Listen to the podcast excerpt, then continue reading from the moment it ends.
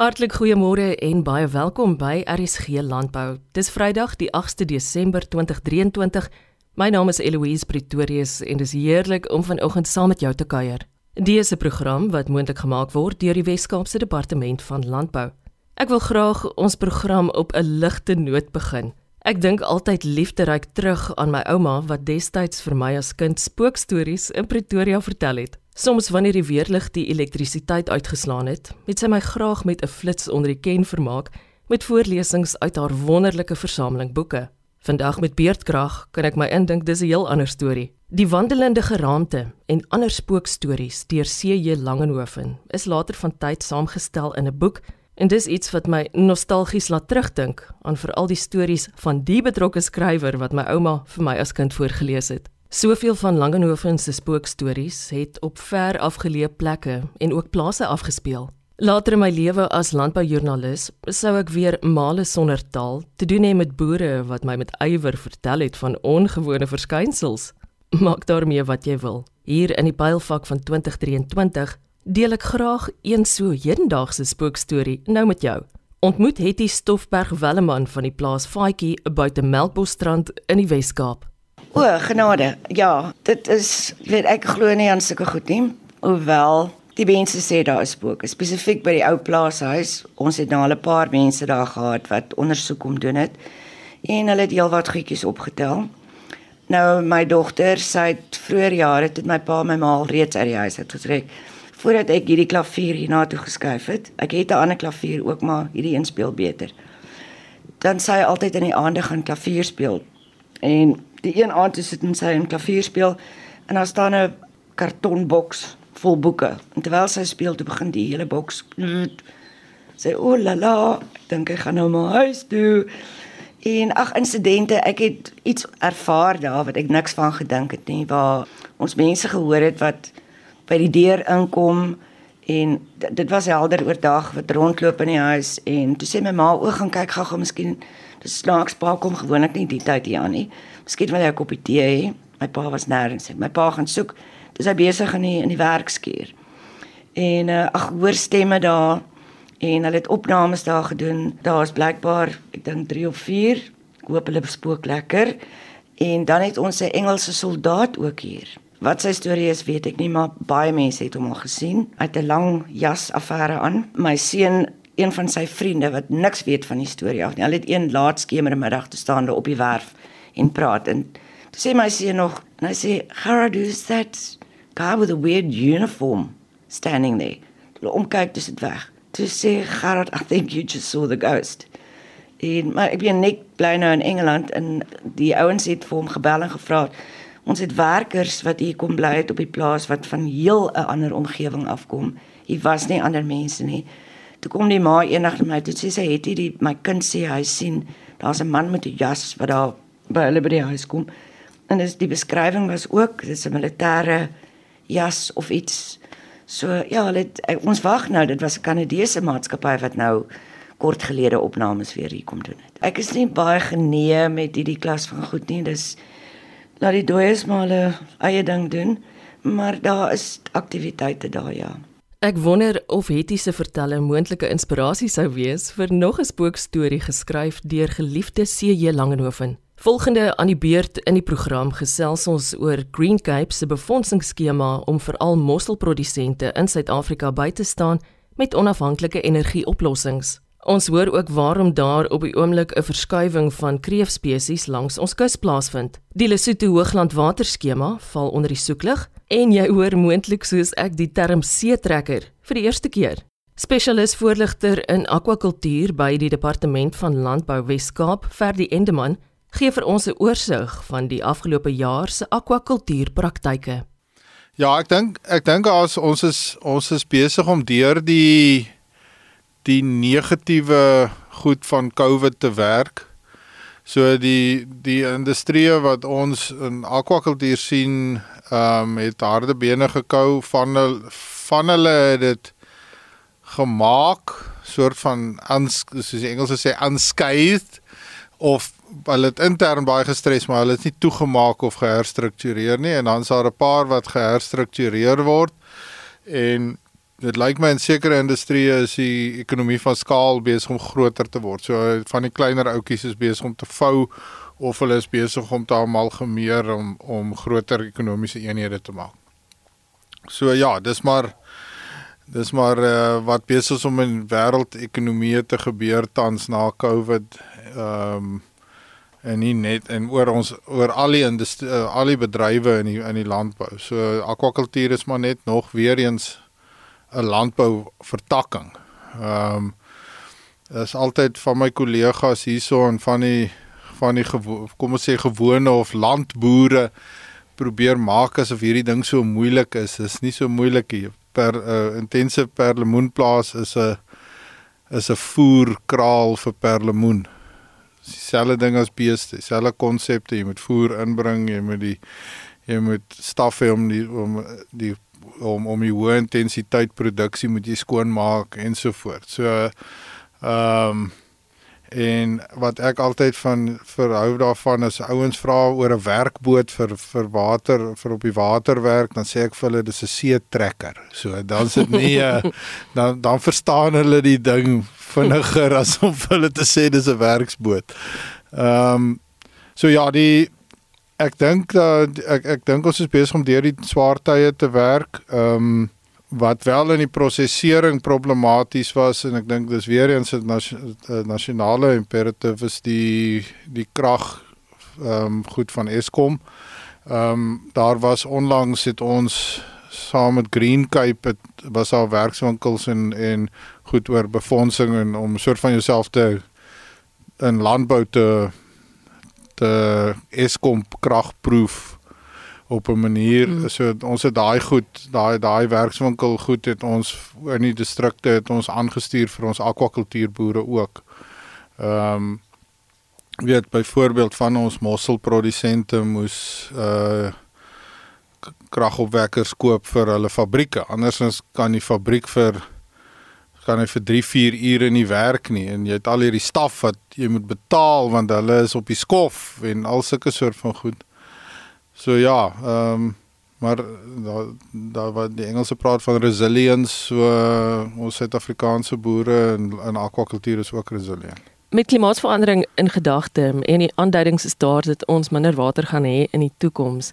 Tog is akwakultuur landbou in water. Hoe word ja, dit so, geaffekteer? So verskillende ehm um, verskillende bedrywe word verskillend geaffekteer. So marine akwakultuur het nie noodwendige probleem uit 'n uit 'n waterbeskikbaarheidsoogpunt nie. Hy het wel, as jy mooi dink hier in die Weskaap het ons in hierdie jaar twee baie groot storms gehad. See storms. So dit het 'n effek op die op op selfs goed wat onder die water plaasvind in in mossel en oester langlyne van infrastruktuur wat gestres word, wat gebreek word, wat wat uh, wat weer moet vasgemaak word en al sulke soort van goed. Ehm um, wat ons byvoorbeeld in forelboerdery gesien het met die vorige droogte in die Wes-Kaap het ons en dan is daar 'n groot produsent wat basies uitgeklim het. Ehm um, het ons gegaan van 'n 600 ton per annum produksie na net onder 200 ton per annum produksie vir vir forel. So daar was is daar was nogal 'n groot inkrimping in forelproduksie. Ehm um, wat ook 'n dryfveer kan wees is laat van die produs pro, daar kom nou meer produksie bo uit die uit die Lesotho Hoogland waterskema uit. Seker in die omgewing van daar's twee plase, hokplase daarbo en hulle is seker saam, maar ek doen hulle so tussen 1500 en 2000 ton vis. So 'n lot van die vis wat gevoorheen hierso in die Wes-Kaap sou opgekoop gewees het, kom nou van Lesotho af. Ehm um, so daar is maar dryfvere agter die goed en ehm um, so so daar kan ek amper sê die droogte en dan klimaatsverandering vooral het koue water nodig, koue skoon water en die probleem is dat uh nou moet jy hoër areas, hoër sites hê vir jou forel boerdery as wat jy voorheen gehad het want dis koeler water vir 'n langer groei seisoen. So ja, groei uh een van die klassieke goed in marine biologie is dat ons kreef resources al vir die laaste 30 jaar is hulle besig om suid en oos te skuif. Die Kaapse rocklobster, so uh Jasus Lelandiae, die rooi ene. Daar's 'n diepwater ene ook, maar die vlakwater ene, vlakker water een is besig is nou voorheen was daar daar was 9 dink ek uh, kreefzones en vandag is daar 'n 10de ene want die uh, wat nou tot by ek dink of oos of net of wes van Kaap hangklip. Die groot ding is is die goed is besig om suid en oos te skuif en dit is absoluut as gevolg van mhm. klimaatsverandering. Sou jy sê daar's nog lekker nuwe geleenthede vir toetreders? Ja, ek dink daar's altyd geleenthede vir toetreders. Die ding is maar net om jou somme te maak en na die omgewing te kyk. Ehm um, wat ook problematies is is as mense ek het nou die dag 'n kliënt gehad wat wil tilapia boer in die Wes-Kaap. En ehm um, al wat hulle hulle hulle navorsing op die internet gebaseer het was laat hulle sien dat die die naam kom baie op. En hulle en in my ek het nou al baie gesien dat as jy die internet is 'n gevaarlike plek. Jy moet dit met kennis betree. Ehm um, as dit jou as dit jou primêre bron van inligting is, dan het jy potensiële probleme. So in die spesifieke geval is die spesies meer warmwater georiënteerd. So as jy as jy water moet verhit, dan gaan en en jy moet strukture oprig, dan kompeteer jy met ouens in die verre ooste wat en in sent, meer sentraal Afrika wat nie daai kostes het nie. So hulle het 'n kom, kompeterende uh, voordeel bo jou. So jy moet tegnies kan jy hierdie goed doen, maar jy moet dit temper met hoe, jou somme wat jy maak. Ehm um, so ek dink in die geval was die kliënt 'n bietjie 'n uh, bietjie die gun gejump, 'n bietjie meer navorsing moes doen oor die oor die practicality van hierdie ding.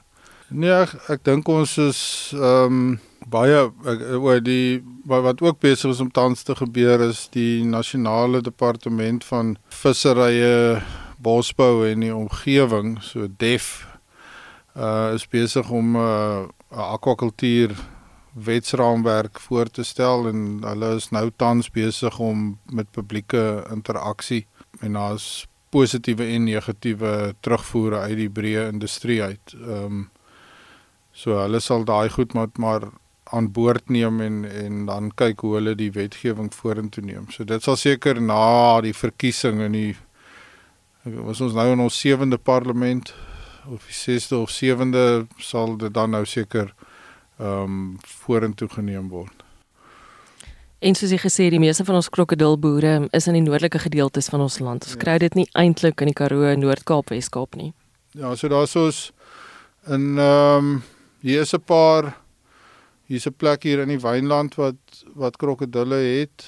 Ehm um, en die Kongo krokodilplaas wat nou meer ook uh, ander diere het. Hulle het was het krokodille geboer, maar dit is kom ons sê meer het, in my opinie meer 'n toerisme aanslag. Ehm um, so die boerdery gedeelte definitief warmer plekke, sê net maar noord van Durban in Zululand in en dan Swaziland Mpumalanga, Limpopo. Dis as as as as iemand môre na my toe kom en sê waar moet ek my krokodilplaas bou? Dan sê ek gaan go north young man uh, nie hier nie. Ehm um, so dis die dis wat dis wat my advies aan hulle sou wees. Spesialis voorligter in akwakultuur by die departement van landbou Wes-Kaap, Ferdi Endeman. In 2023 het ons by vele voormalige professionele rugbyspelers gaan kuier, veral die wat hulle nou tuis vind in landbou. Ek weet nie van jou nie, maar in my daaglikse weë is ek steeds bewus van die Springbok Wêreldbeker euforie wat ons nasie getsunami het die afgelope maand en 'n half. 'n Ontmoeting met Burton Francis tussen Boord en 'n Bokdry was 'n spesiale geleentheid. Die voormalige rugbyster is nou aan die stuur van 'n gelyknamige wynreeks. Hy verduidelik waarom hy dit destyds verkies het om eerder loskakel as heelagter te speel. En hy deel ook 'n staaltjie omtrent 'n afrigter wat gedurende sy speeltyd in Frankryk erg die harnas in vir hom was. Loskakel.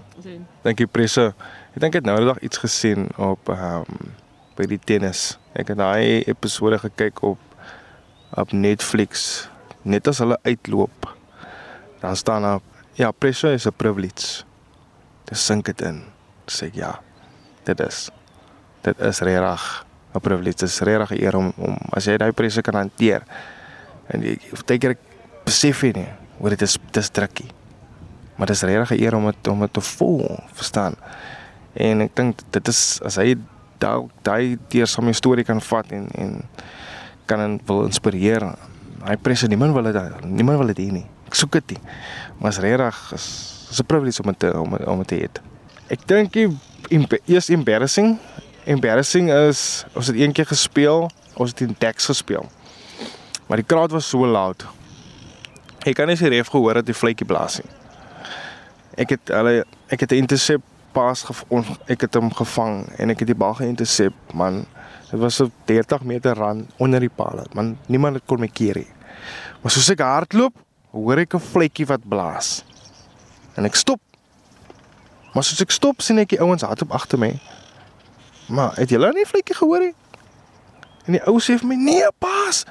Pas die bal.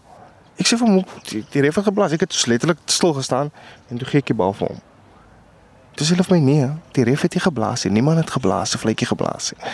Jy moet net gaan skoor het. Daai afrigter was so kwaad vir my gewees na die game. Ons het gewen. Maar hy was bitter kwaad vir daai gewees.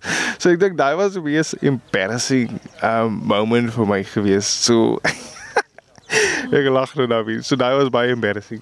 Maar ek dink 'n hoogtepunt vir my was daai games, was daai game Cheetahs teen die Stormers. Ek dink daai het vir my gemaak regtig waar. Daai het regtig my gemaak en gewys wat ek nog kan doen in in Frankryk en, en ja, net om 'n full game te kry te skop. Ek dink die game daarna wat ek nog goed gespeel het was my eerste top 14 wedstryd was teen Racing gewees, Racing Metro in Agen in um home game full pack beautiful. Ek dink was op 'n Sondag gewees middag.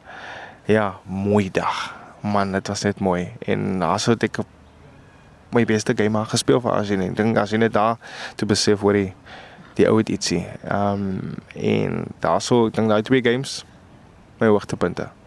So ek het in Arsenal gespeel as tussen Bordeaux en Toulouse. So ek het vier seisoene daar gespeel. Ek het eers 2 jaar geteken en dink ek, "O, oh, waar is ek nou?"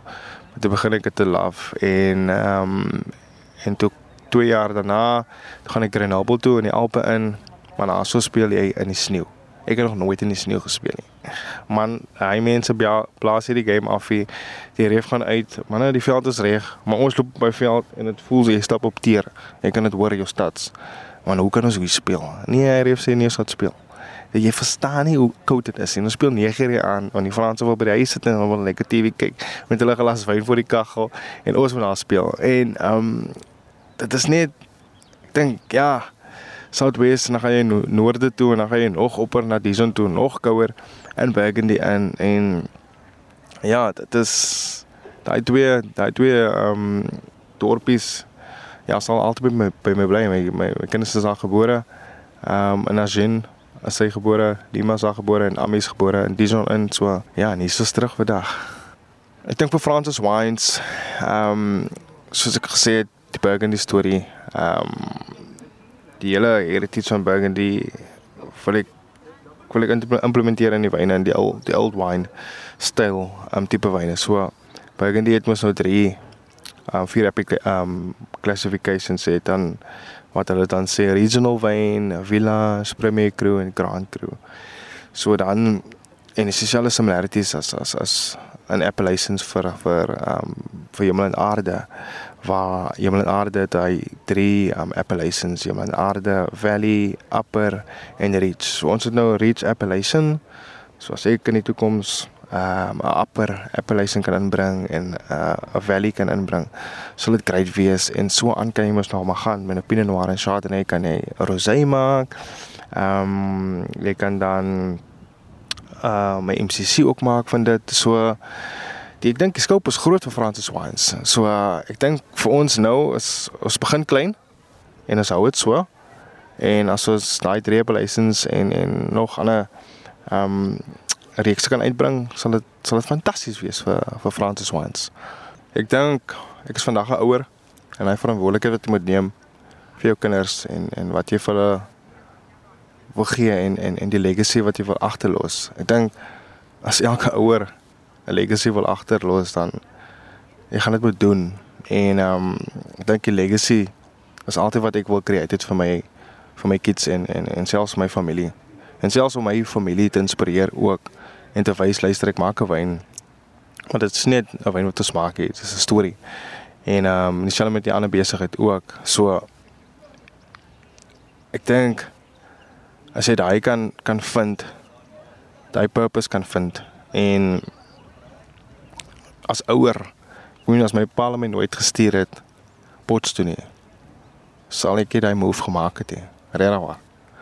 En ek dink as ouer net as jy daai kind daai scope kan gee give it to him. Ek meen my pa het my gesien. Hy het gesien wat wat ek nie kon gesien het nie. En dink elke ouer kan dit sien. Maar om om my kind te laat go dink hy was die tafste. My pa het my gesê toe dis Frankryk toe gaan sê is ja hy het nou oor geskuif man om oor see te gaan. Dis nog iets anders wanneer hy wanneer hy sien toe hier pak ek my sakke en ek en ons gaan nog gaan En toe begin dit by hom in te sink en hy sê my hy was hy het al's myself gehet sê ek ja, jong, ek gaan nogals na oorsee. Dis hy 2 ure weg hier of 6 of 9 ure weg hier. Se ry nie en ek dink as ja, as as ouer ek dink as jonk, ehm um, millennial ook so Ons is al jy het altyd 'n kans daarso na buite kan. Jy, jy sit nou daar en jy sit al 'n amazing carrière. Maar dalk is hy nog nie gesatisfied met dit nie. Verstaan so as jy is ouer, daai scope kan sien vir jou kind en vir jouself en 'n legacy wil agterlos. Whatever your name of fun is of wie jy is of waar net jy kom hang jy maak self gou van net jy kom. Ek dink daar's nog ander magnificent stories op uit kan en ander ehm um, kulture. So die legacy is wat ek wil agterlos en dit is wat my dryf. So never forget your legacy. Verstaan jy wat jy wil agter wil los hê? So alles het ietsie kort of alles het ietsie simpel. Just go do it. Burton Francis is voormalige professionele rugbyspeler en nou agri-entrepreneur. Jy het pas geluister na RSG Landbou. Baie dankie dat jy ingeskakel het vir ons program. Môre om kwart voor 12 deel ek nog stories van hoop en inspirasie uit ons sektor. Daarna sien ek baie uit. Luister gerus na al ons programme wat jy moontlik gemis het na 'n besoek aan www.elsenburg.com. Ek is Eloise Pretorius en ek wens jou alle sukses vir hierdie Vrydag wat voorlê in die geselskap van RSG. Totsiens.